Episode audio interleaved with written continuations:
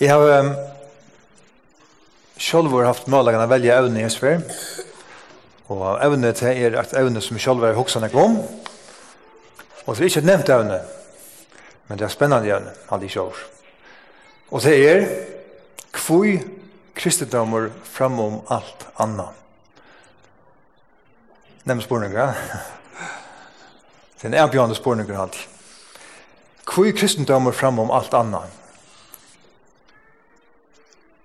Det er så vanligst å si noe om hvordan det er religioner i tidlig verden, men det er nekvar, som bare internett noen, så er det i alle førene enn 20 store religioner, helt store, kristendom, islam og så fremveis. Og i alle førene enn er halvtrus, som du minner, og så er en ørgrunne av velkom inn i underkvarere av hesson religioner.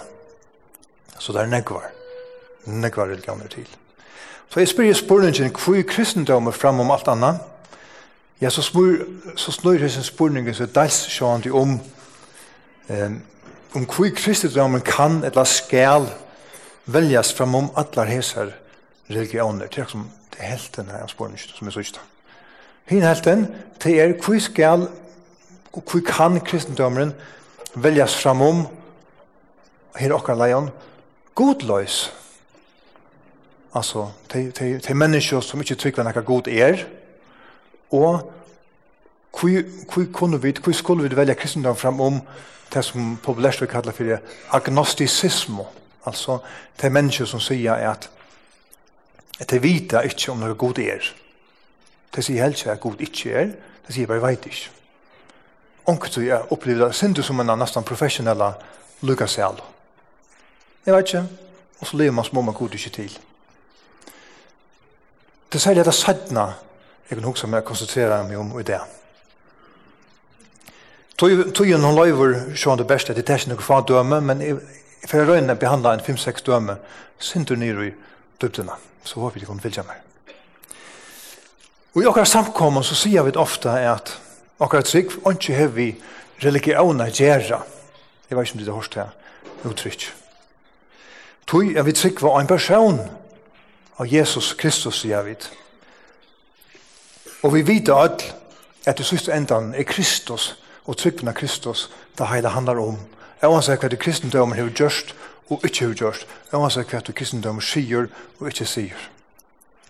Og den erkjellingen her med den religion og det som vi tryggva. Og man helter, det vet jeg ikke.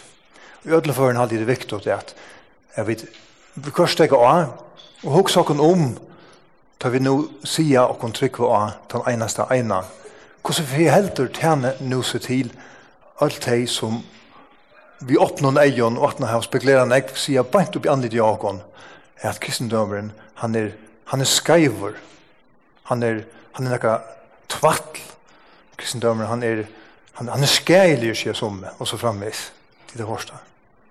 Det må vi forhalde åkon til, og det er det jeg for røyna vi halde om til um, skeptikarar og imot kristendomnen sier mengt og kvært. Selv jeg tror ting kunne huske også meg si det fram, som jeg alltid er de mest alminnelige tingene man har. Ta fyrst at dette, at nekva kjemtar gjerer i gjørtar, eller framtar, og i kristendomsens navne til sørstå, uh, ja, ja, 2000 årene, så gjerne, så gjerne Kristus tjekker jeg folk. Og så vil jeg nesten døme krossfærene, hvordan det fører vi folkene nirgjøy Torskalandet, nere i, i alle om til Jerusalem, hver der drog på fra hånd, ikke minst muslimer, for tusen år siden. Og et annet døme man hører til er jakstran av Ørvus i Hoksante, som sier at han katolska kyrkjan i Sommerlondon nesten systematiserer i den såkallta spanska inkvisasjonen. når døme til religionskrutsk, onker har vært som er har vært motiveret av religion, typisk katolikker, protestanter i moderne tog Norrland, på landet som er vært her. Eh, heksa, brenning, kvinner som åpenbart dotter og lusende mer enn det vanlige, ble drypner, brentar, tog etter og sagt over heks. Hatta får vi stund jo benøsna. Av hæsar årsøk så kan man ikke bruka kristendom til nek. Hatta det ene tilfell. Et annet som jeg hadde man høyre reisende, til er at kristdomeren, han er undertrykkjant. Til dømes i mån til kinsluiv, og imot til personlig fralse. Tøy, kristendommen, han har en greia mening om hva det er rett og hva det er skreft. Og det er ikke alltid vel lukt. Og så det tredje dømme heter er at vysunden gjør at, altså kritikeren sier så, vysunden gjør at hånden ikke tørver at trykva nekken god. Tøy, nu blir tidlig lette seg leie at du klarer jøsen om affær, tar man hikker etter vysunden. Jeg tror jeg god ikke kan prekvast, vysundelig, så er det ikke til å si noe som helst om god i vår høver. Hvor så trygg var han, spyr skeptikeren. Det er større spurningene i noe som er kjøttet. Vet just. Ok. Det er jauna sagt er at såkallet kristenfolk opptrykken øldene har gjort alt møvlet rævlet og tog kan man ikke bruke kristendom til nek, som vi brev i Jan, ja krossferinar, forfylsing av øvelse i hoksande, eh, inkvisasjonen som det var kallet, religionskrutsk, heksabrenningar, Norrland, og vi kunne bli vi. Det finnes søvrøyngar som har pratet halvt hvordan jeg folk som synligvis er blind dripen, og ikke vet ikke om det neft. Men en, en, en meting sier at om lei 200.000 folk er blind dripen av hesson årsøkken til sørste tusen åren. 200.000 folk til nekv. Og hvor er vi einasta menneske som er blitt dypet på andre måten? Er jo en rævleik, ja? Og om man kan nesten sige, og er jo skiljant. Så hver fer man, hver fer man løyve i Bibelen fra Jesus og til at kan gå og, og, og drepa andre mennesker på andre maten. Men det må 200 000 mennesker. Det stemmer. Krossferien er heksa, heksa brenningarna og så framvis. Alt i alt. I tusen år, 200 folk, ja.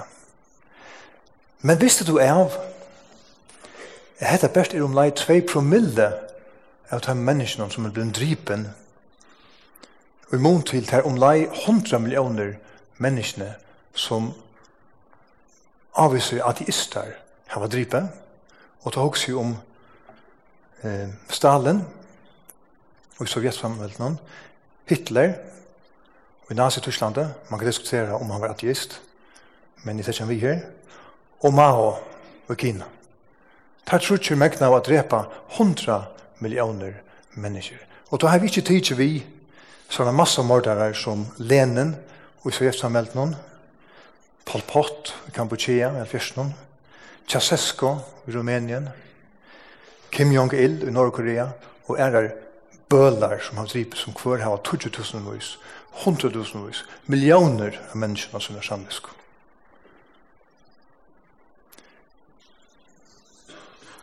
Hese ateister heldur seg om på framsti og man kan vysen deist. Nu, godløsning kan svære ganske, ja, men man kan ikke stilla, man kan ikke stilla alle godløsningar til svars for, for det som nekker svertjer, nekker fagir svertjer, at Israel har gjørst. Ok, gammal man Men hvis jeg er som kristen skal svære for det som nu menar vi, onker svök kristen, eller såkallet kristen har gjørst, til siste tusen år. Hvis jeg skal svære for det som kristen, så måste vi gå och godløsninger, jeg svära svære for det som er godløsninger har gjørst, bare det siste hundre årene. Det synes du, eller det synes forsvarene, det synes du forsvarene er lengt i 100 millioner kroner ble dryppnar av ateisten. Erklærer hun ateisten, typisk som hørte til kommunismene, som er en ideologi som heier sine tjatten og eh, godløs. Sammenløknet her vi hese 200.000 som er blitt drypen i vår tusen år. Nå, hese 200.000 er en mannlokka kvørsjær, det er slett ikke det. Men allukkavel, Det er man lukka. Så ikke proporsjoner, at det er fakta som ikke gjør det kommer.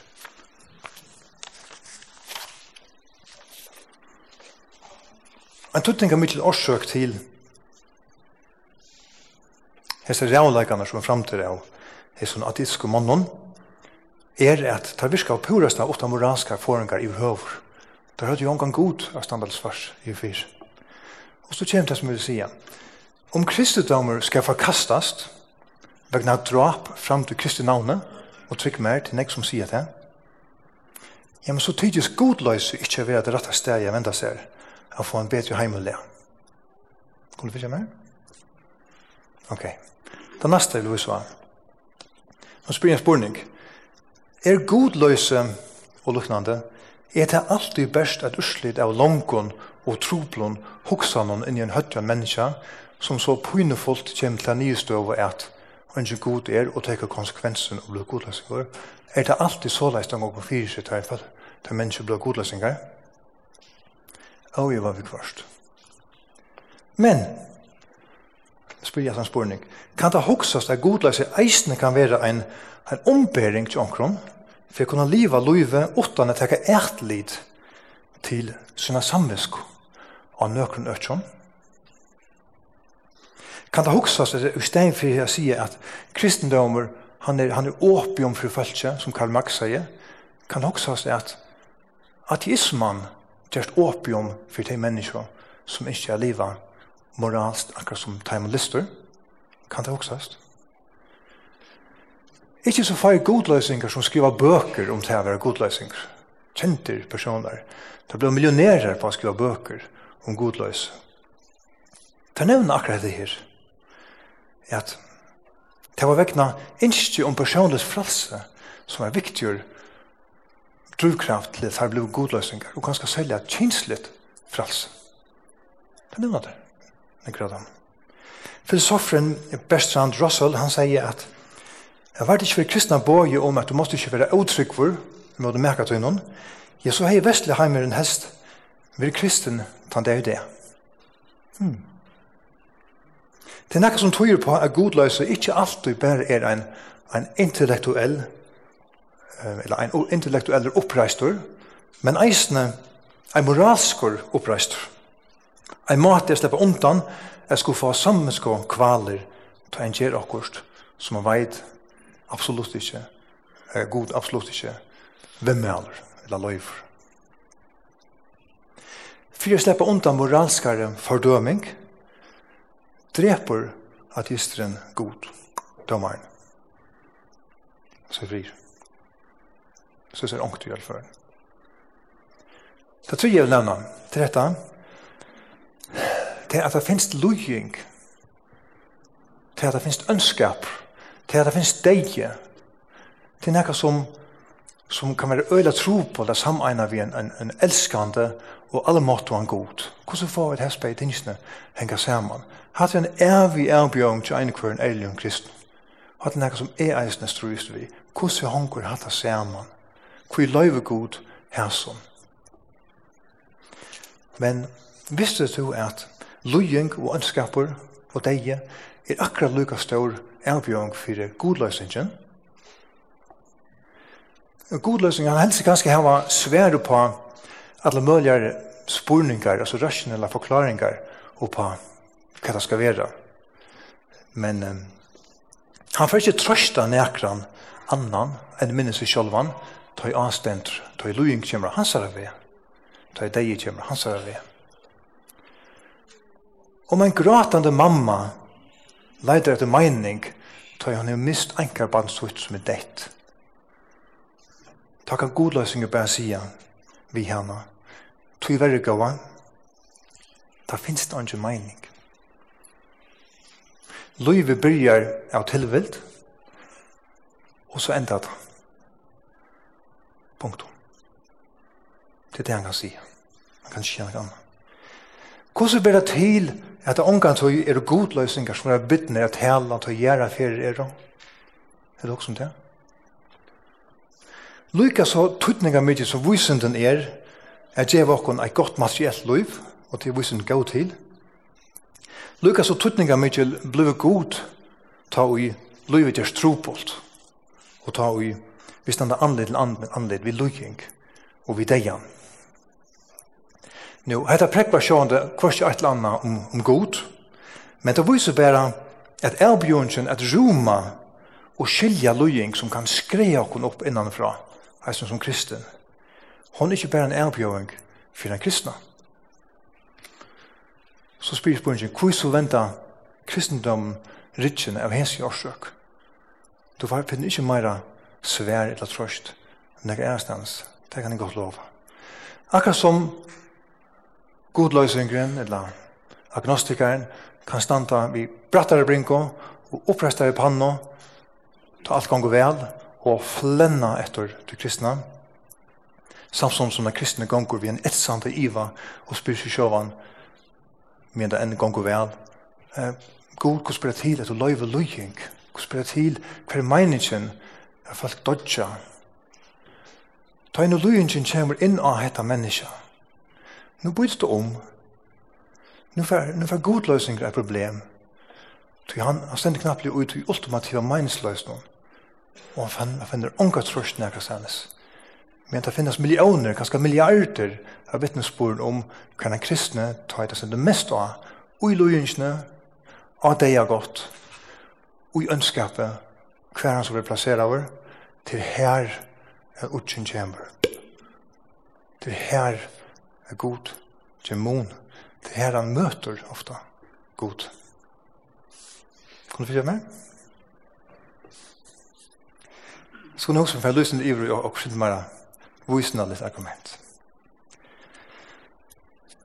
Det har vært sagt på en av veien at jeg visund og minne vär er, er noe fantastisk, noe godt, som oftast.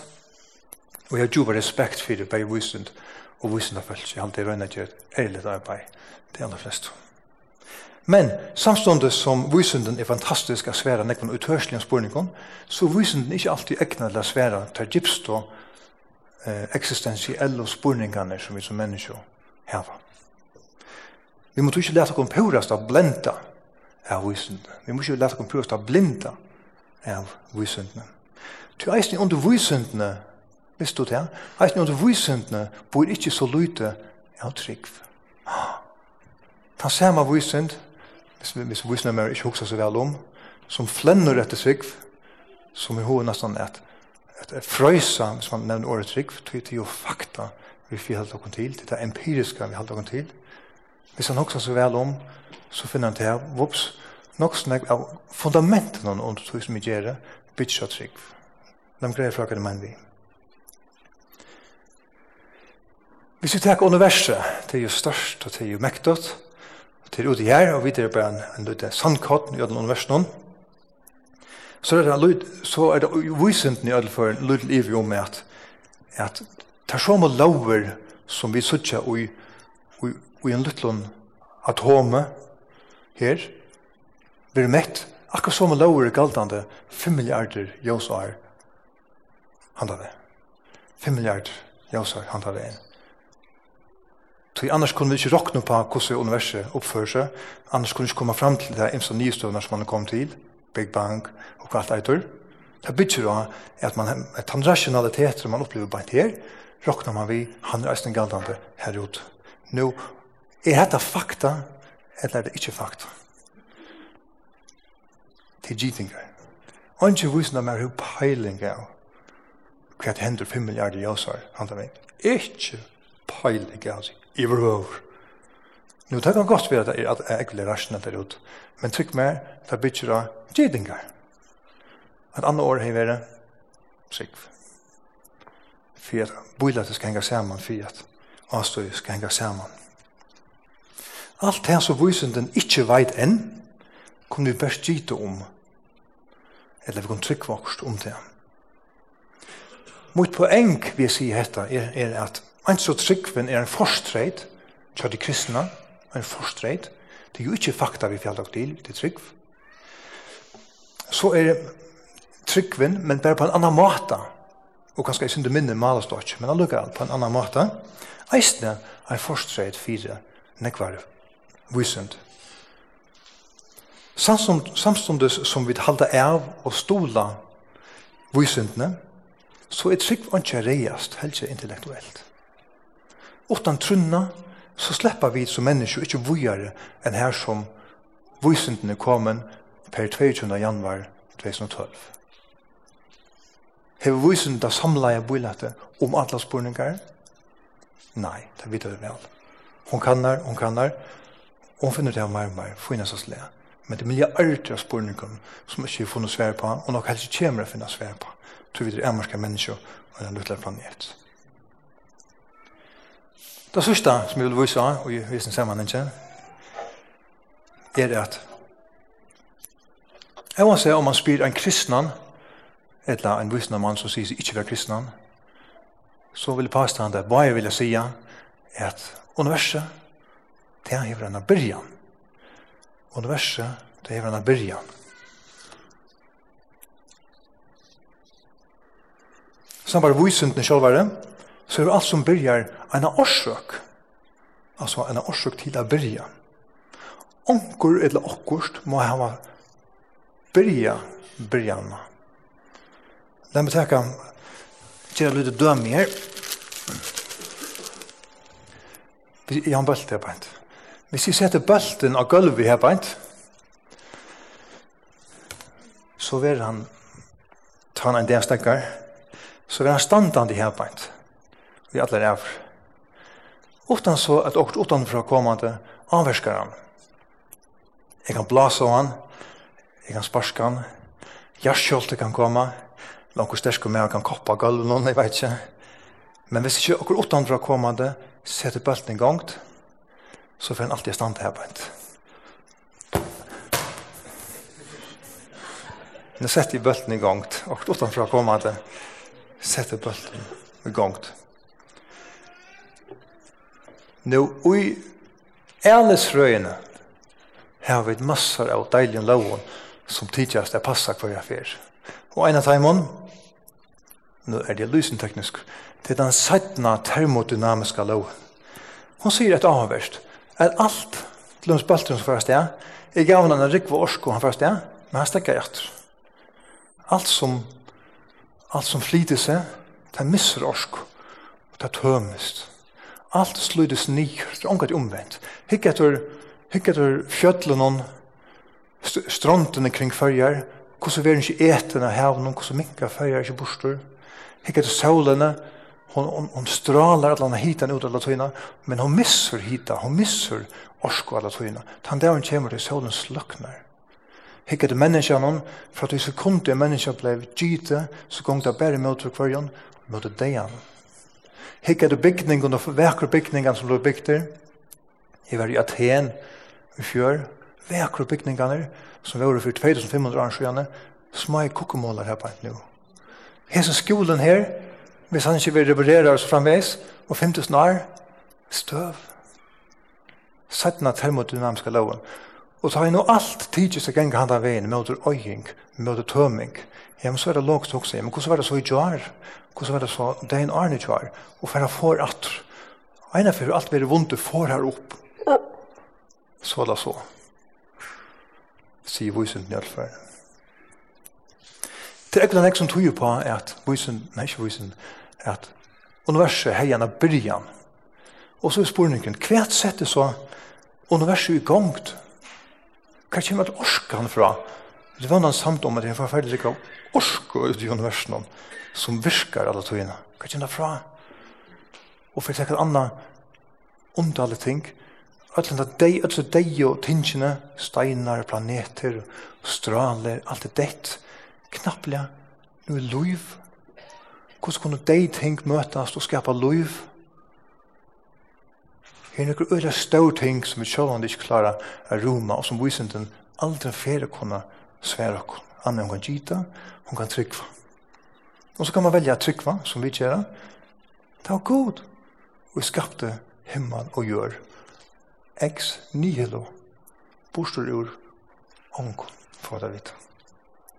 Jeg halde takk ikke meira et la minne trygg, at tryggva tøy, enn at ein kvar annan forklaring som hver god ikkje er i mynden. Men som vel er mest er trygg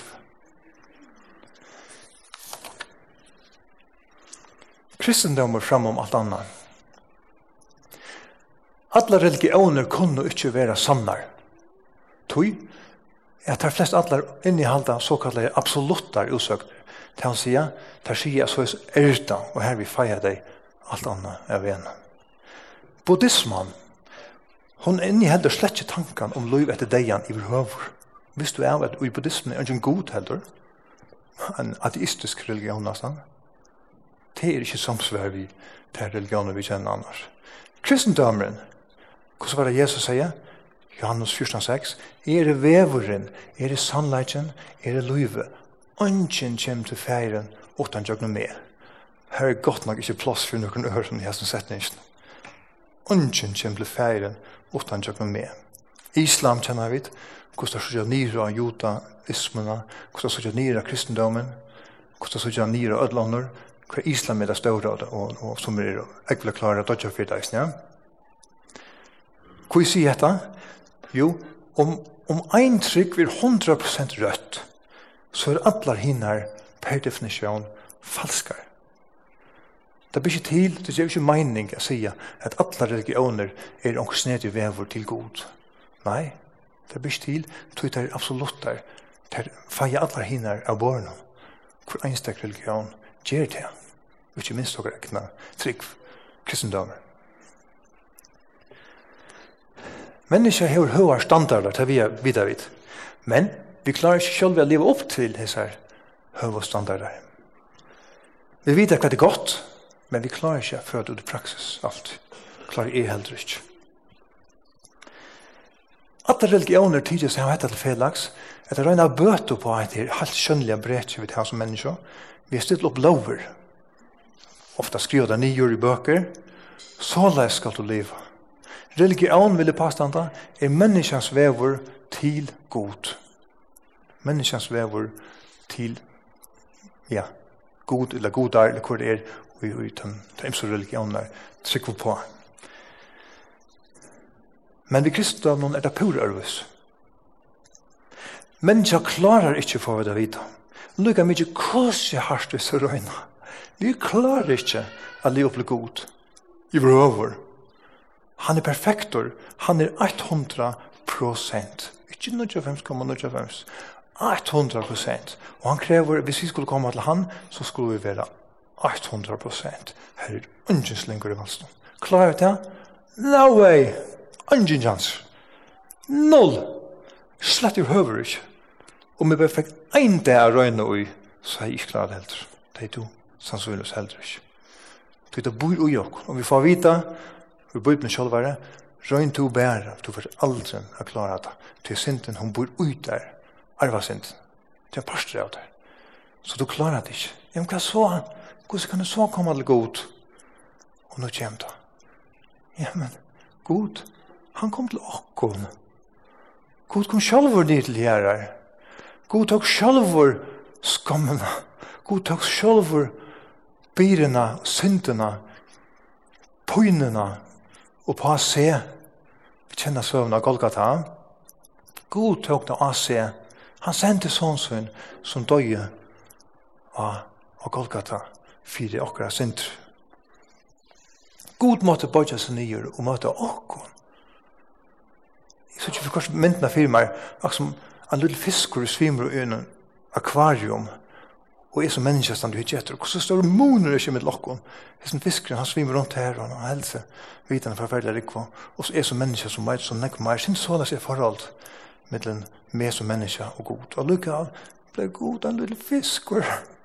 Han ble som disse fiskene. Og han gav sitt løy for disse fiskene, for å bruke en sånn mynd.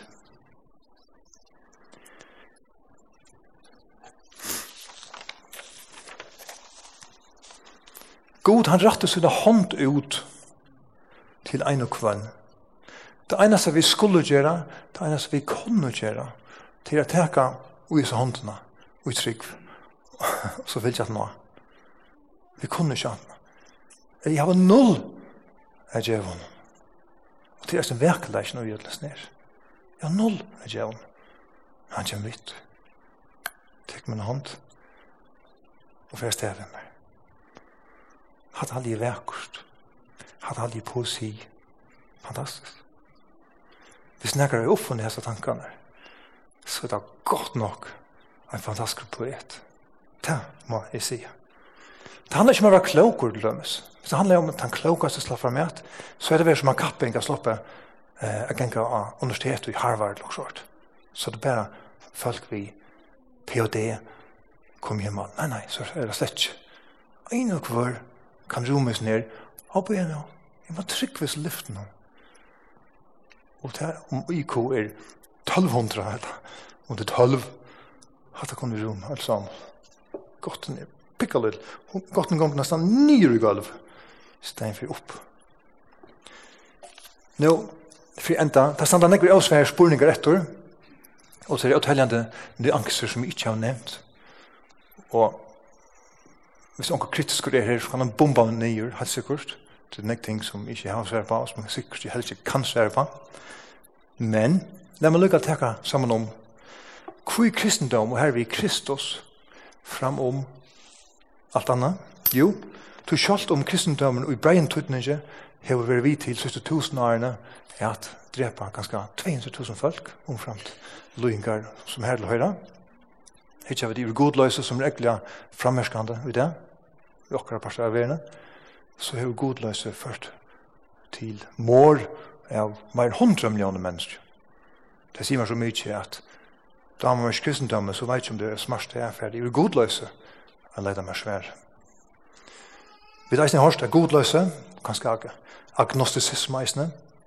Det løser kanskje mennesker fra at fra vissen moralsk og samvisk og kvalum ta vi kommande innkjør fralse, og ganske særlig kinslig fralse.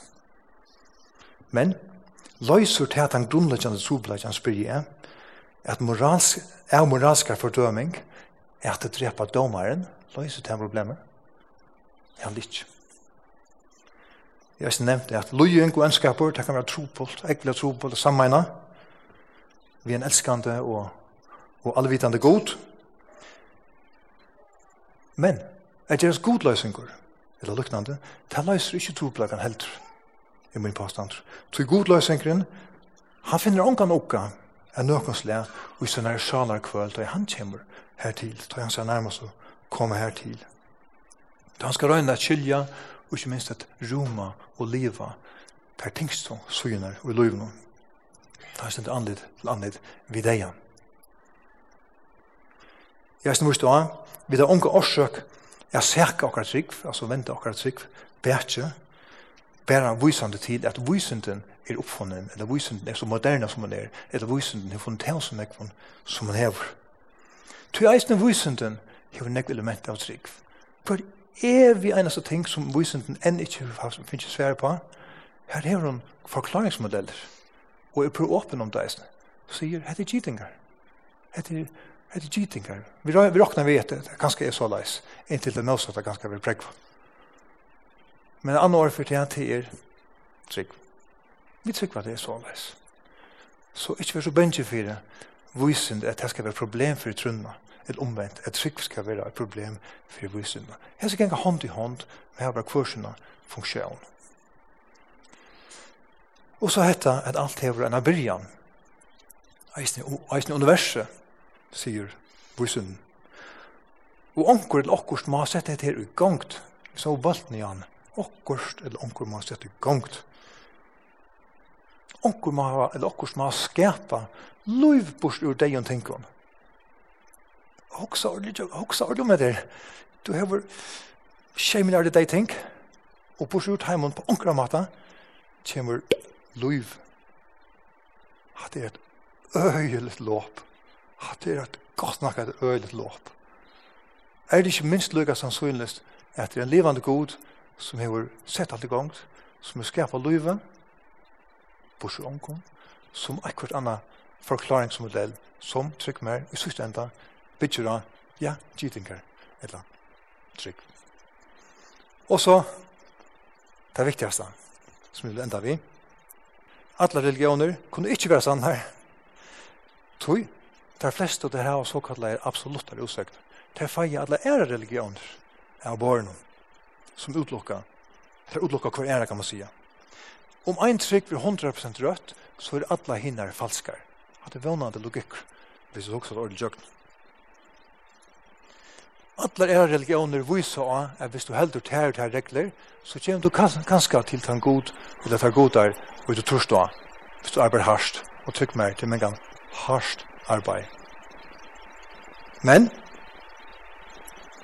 pur øvut til kristendommen, vi klarer ikke å leve opp til god standard, per definisjon, og hva gen for dere å leve opp til god standard.